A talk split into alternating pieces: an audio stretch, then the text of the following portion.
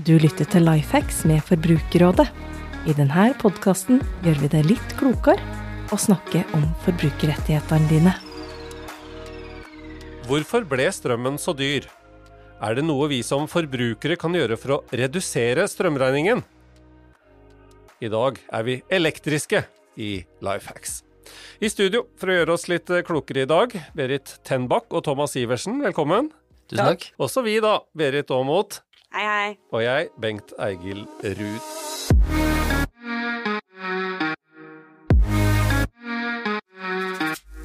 Ja, strøm har vært den store snakkisen i et år, og vi har med økt styrke begynt å kjenne den på, på lommeboka. Eh, og så er det vel sånn at strøm alltid på en måte har vært et tema for eh, veiledningstjenesten vår, uh, Berit. Men uh, har det vært noe endring? Både sånn antall og hva folk spør om? Ja, det har vært en økning i antall henvendelser om strøm. og folk er jo nå blitt mer og mer opptatt av det. Det er et større fokus på strøm i samfunnet generelt. Og når strømregningen øker, så blir man også opptatt av mange av de andre tingene rundt strømregningen, da. Vi får særlig mye henvendelser om kompliserte strømregninger. Strømprisen, påslag, et fast månedsbeløp og lignende. Og med nå da strømstøtten, så gjør det det ikke så veldig mye enklere, akkurat. Ehm, vi får jo også veldig mye henvendelser fra forbrukere som har problemer med inngåelsen av avtalen, gjerne ved dør- og telefonsalg. Ehm, og der kan det ofte gjerne både bli lovet en del vilkår som ikke stemmer, og være en del misforståelser mange spørsmål om strømselskapenes seriøsitet, eh, og mye om endringer i vilkår. Eh, og det er jo også noe med når nå strømprisene øker, og hvis det da strømprisen eh, blir endret, så ser man jo på det som et stort problem for forbrukerne. og så får vi en del spørsmål om strømportalen vår, da. Strømpris. Mm. Strømpris.no. Ja. Viktig å ha i bakhuet når man skal sjekke strømavtaler. Uh, Berit til Berit. Jeg skal prøve å holde tunga rett i munnen og se på hvem av dere jeg uh, henvender meg til. Berit Tenbakk, velkommen uh, er du altså. Partner i kraftanalyseselskapet Tema samfunnsøkonom, doktorgrad til og med, så du kan mye om mekanismer som fins i kraftmarkedet. Vet du noe mer enn oss andre om hva slags vinter vi er på vei mot? Nei, det er jo litt av utfordringa i dette markedet, at usikkerheten er så stor. Eh, og det er jo eh, sånn at vi har jo en stor usikkerhet i det norske systemet som er knytta til hvor mye vann vi får inn i magasinene, eller hvor mye vann vi har å rutte med til vinteren, og hvordan vinteren blir. Om den blir kald eller om den blir mild, det har stor betydning for prisene. Og så har vi i tillegg nå den enorme usikkerheten om utviklinga i Europa, og gassprisen er vel ikke for så vidt så usikkert at den blir høy, det blir den. Men hvordan det slår ut i prisene i Europa, og det, prisene vi handler mot, det er usikkert. For det kommer bl.a. an på disse tiltakene som EU har iverksatt, om de tar eller ikke på prisen. Mm. Gassituasjonen er jo slik han er i en krigssituasjon og med Europa der vi har det nå. Eh, men vi hører jo stadig om at eh, vi får eh, hyggelige priser på strøm i Norge når det blåser i Europa. Hvor stor innvirkning har denne vinden?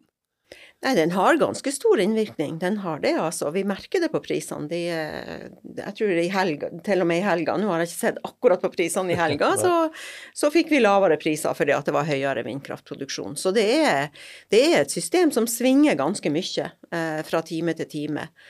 Um, og det som er spesielt med strøm, er jo nettopp det at det settes en pris hver time.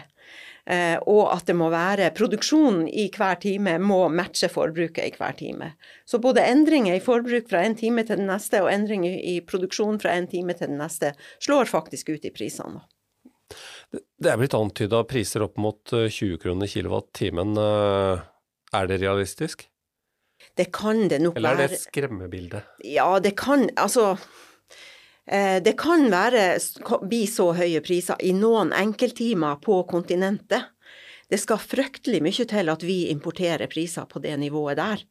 Eh, til og med i enkelttimer. Og det vil uansett være i enkelttimer. Eh, så jeg tror det er helt urealistisk at vi skal få sånne priser i Norge. Thomas, velkommen tilbake. Det har vært nesten litt rart å ha et par podkastepisoder uten deg, men uh, her er du igjen. Jeg har uh, ofte hørt deg si at strøm er strøm. Hva, hva, hva, legger du i det, og hvorfor jobber du og Forbrukerrådet med strøm? Jeg pleier ofte å si at eh, strøm er strøm når det handler om valg av eh, eh, strømavtale.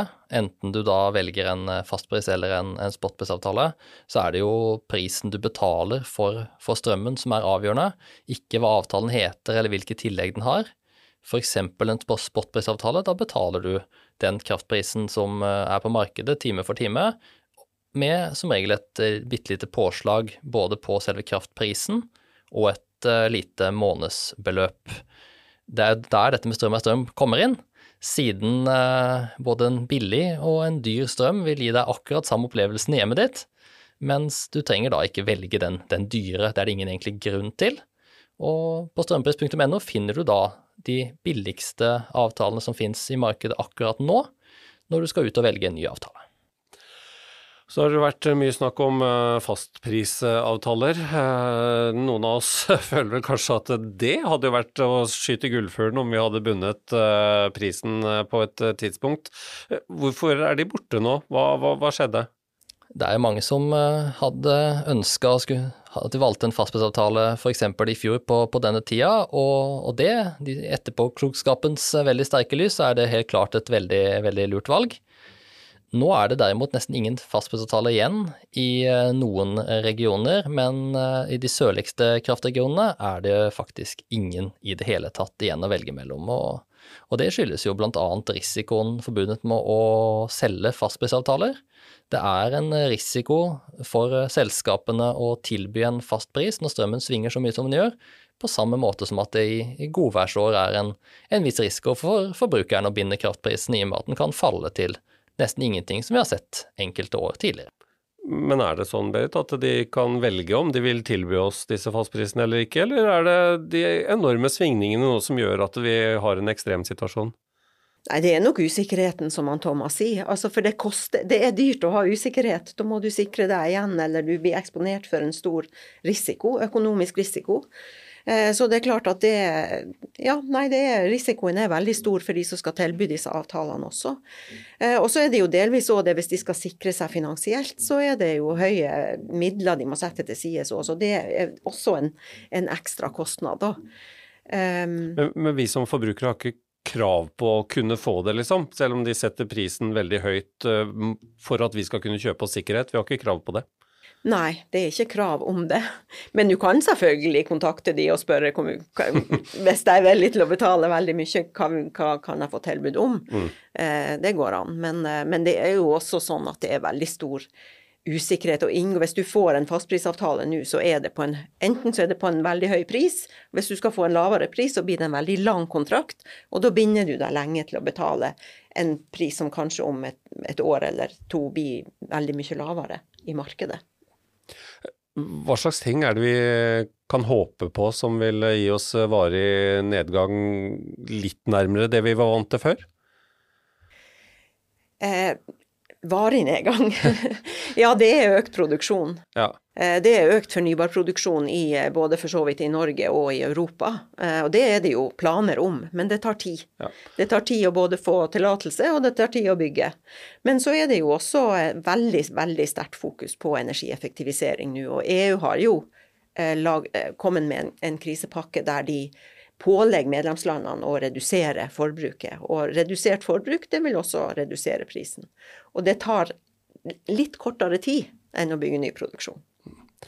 Berit, eh, veiledningstjenesten vår får altså mange av disse spørsmåla. Er det noe vi kan uh, bruke podkasten her til å formidle én til mange spørsmål som, uh, som, mange vil kunne ha glede av, og kanskje at disse ekspertene hjelper oss med å svare på? Ja, jeg tenker det er mange forbrukere som er forundret over det at Norge, som produserer så mye strøm, må betale mye eh, mer for strømmen pga. forhold utenfor Norges grenser. Eh, og i tillegg så lurer mange på hvorfor vi har forskjellige priser i ulike deler av landet, selv om man kjøper strømmen fra samme selskap. Så det hadde jo vært eh, hyggelig for flere forbrukere å få et konkret svar på, så konkret som det går. Ja, det var vel et spørsmål til meg, det. Eh, nei, altså, situasjonen vi har nå illustrerer jo bl.a. den store variasjonen i ressurssituasjonen som vi har i et vannkraftsystem. Eh, og vanligvis så er det ikke store prisforskjeller mellom nord og sør i Norge. Men i år så har vi hatt veldig vått og masse vann i Nord-Norge. Eh, og så har vi hatt veldig tørt, faktisk to år på rad. Veldig tørt i, i hvert fall i deler av Sør-Norge der vi har mange, mange magasin. Eh, og det gjør at vi ikke har nok overføringskapasitet akkurat i denne situasjonen til å utjevne prisene, til å frakte strømmen fra nord til sør, rett og slett. Eh, og så er vi knytta til Europa, og vi er knytta til å handle Avhengige for så vidt av også å handle med andre land når vi har tørre år.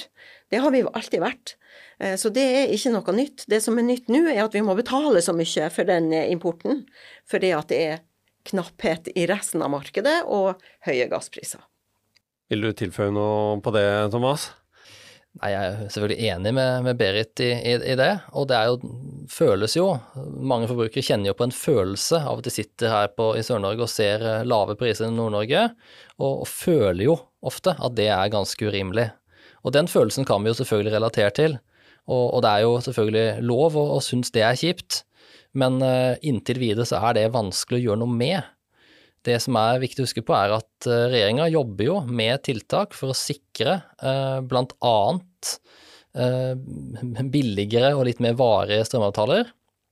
Der er det vært forslag på høring allerede, og det jobbes videre både i Olje- og energidepartementet og i Finansdepartementet med løsninger for å tilby forutsigbare strømavtaler til folk. Hvordan de blir seende ut, Eh, vet vi ikke helt ennå, men eh, det jobbes på flere sider. Foreløpig så har jo regjeringen eh, stilt opp med 90 øre på det som er over Nei, 90% på det som er over 70 øre. Jeg må ha tunga rett i munnen. Dette er jo en det, det, det, fremstår jo som en veldig raus avtale. Uh, er, det, er det kunne det vært gjort enklere å forstå for de som uh, får det på fakturaen sånn? Vi snakka jo om at det ene trekkes her og blir borte der, og at det ikke syns. Uh, er, det sånn at det treffer rettferdig, kan vi si noe om det? Ja, om det treffer rettferdig er jo alltid et spørsmål. Det er jo selvfølgelig det er jo, det jo raust, som du sier, fordi, fordi den delen av forbruket som det gjelder for, det er jo mange som er opptatt av at de ikke får det for hytta og mm. sånne ting, eh, og ikke har mulighet til å slå av. Så det kan man jo selvfølgelig diskutere. Men eh, jeg tror at det, er, det hadde vært enklere med en makspris. Men det hadde vært dårligere, for det hadde gitt dårligere insentiv til å spare. Nå eksponeres vi tross alt for eh, for en, en, høyere pris når det er dyrere å produsere. Og det er veldig viktig for hele systemet at vi sparer når vi kan, og at vi spesielt sparer når prisen er høy. Sånn at det, Jeg ser at det er en komplisert ordning, men ut ifra et sånn samfunnsøkonomisk perspektiv, eh, så er det en god ordning. Mm. Og, og, sånn sett så har regjeringa lagt politikk i det, da, ved å velge en sånn løsning framfor makspris, som du, som du sier. Ja, men de har også tatt hensyn til effektiviteten, og at vi er i en faktisk knapphetssituasjon der, vi, der alle, alle, bidrag monner på, på, et vis. Og så er du innom dette med at vi skal bruke strøm eh, når færrest mulig andre gjør det, og ikke samtidig alle sammen. Hvordan er den eh, løsningen eh, som nå er tegna for oss forbrukere blitt med Forbrukerrådets øyne, Thomas? Da tenker du vel kanskje på ny nettleiemodell særlig? Det, det, er den som skal vel styre hvordan vi bruker strømmen, og når vi har mest igjen for å, for å, å ta noen valg da, på, på, bruken hjemme.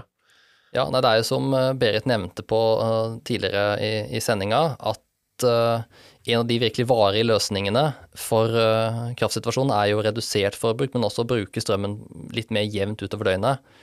Vi får insentiver i nettleiemodellen til å spre forbruket litt for å unngå de aller verste forbrukstoppene ved at du har noen terskelverdier. Eh, de tre timene i, eh, måneden med høyest eh, forbruk legger til grunn hvilken terskel du ligger på. Og da har du forskjellige nivåer, og da er du jo typisk fått insentiv da, til å F.eks. ikke lage middag og vaske klær og, og støvsuge gulvet og ha ovnen på fullt samtidig, men heller fordele litt utover. For det er kapasitetsbegrensninger i strømnettet Og alle kan ikke gjøre alt på, på en gang, og det er det her det forsøker å utjevne. Selve modellen er, litt, er jo på en måte mulig å forstå for folk, men det er utfordrende for enkelte å skulle tilpasse seg det, gitt at en del av forbruket faktisk må skje relativt samtidig. Noe tilføye om det, Berit? Ja, altså det er jo sånn at strømnettet også, det er kanskje ikke eh, folk så klar over, strømnettet er jo selvfinansiert. Eh, sånn at hvis vi må bygge ut mer nett for at vi har høyere topper, så får vi også alle sammen høyere eh, nettleier. Eh, så det, det ene, det, det, altså det, er viktig at eh, de kostnadene at vi holder de så lave som mulig. Eh, og det er jo ikke bare snakk om kostnader er sånn i kroner og øre, det er jo også snakk om inngrep i natur og, og sånne ting. Så, så det, det er en viktig del av det. Og så har vi jo fått mye vi har jo fått bedre teknologi, vi har fått større muligheter til å styre strømforbruket enn vi kunne før. Altså når lader man elbilen, ikke sant. Det, det er lettere å, å, følge med på. Det lett man får apper og ting som, kan, eh, som kan hjelpe til å styre forbruket. Så det er jo blitt billigere for oss å gjøre det. Men nå er det noen som måper litt og tenker at uh, må jeg ha disse appene, må jeg sånn smart uh, hus for å klare å spare noen kroner. Hvor, hvor, krevende er det å, å gjøre den innsatsen som vil gjøre det lett å, å spare? Nei, Det kommer jo helt an på hvor stort forbruk man har, og hva slags forbruk man har. Eh, men det er jo en avveining, så jeg vil jo absolutt oppfordre folk til å sjekke det, hva de kan spare på den måten, og på, på en enkel måte eventuelt. For det er mange løsninger der ute. Noen har kutta nesten til beinet på det de føler at de kan, eh, Thomas. Eh, har vi noen gode råd? Det er jo Eh, mange forskjellige måter å spare litt strøm på, og det billigste strømmen er som kjent den du ikke bruker. Men det er jo viktig å, å legge seg litt på den, altså et nivå som gjør at du fortsatt ikke mister alt all komfort i, i hjemmet også. Men uh, det er jo noen enkle tommelfingerregler du kan, uh, kan bruke. F.eks. å se om det er mulig å redusere innetemperaturen med en grad eller så hvis du har det varmt. Og heller ha på deg en genser eller gå med et par sokker, det er en ting som, som vil kunne spare litt, litt, strøm. I tillegg så kommer en del moderne varmeovner med integrert si, smartløsninger, der du kan koble ovnen rett til mobilen via nettverket ditt. Det gjør at du slipper både egne huber og egne plugger, ovnen snakker rett med telefonen din, og du kan sette på f.eks. nattsenking. Eh, det vil si at ovnen skrur seg av eller skrur seg ned eh, på natten, Eh, når du ikke trenger varmen. Og så starter den igjen på, tidlig på morgenen f.eks., når strømmen er ofte litt billig, og så er det varmt og godt til du står opp.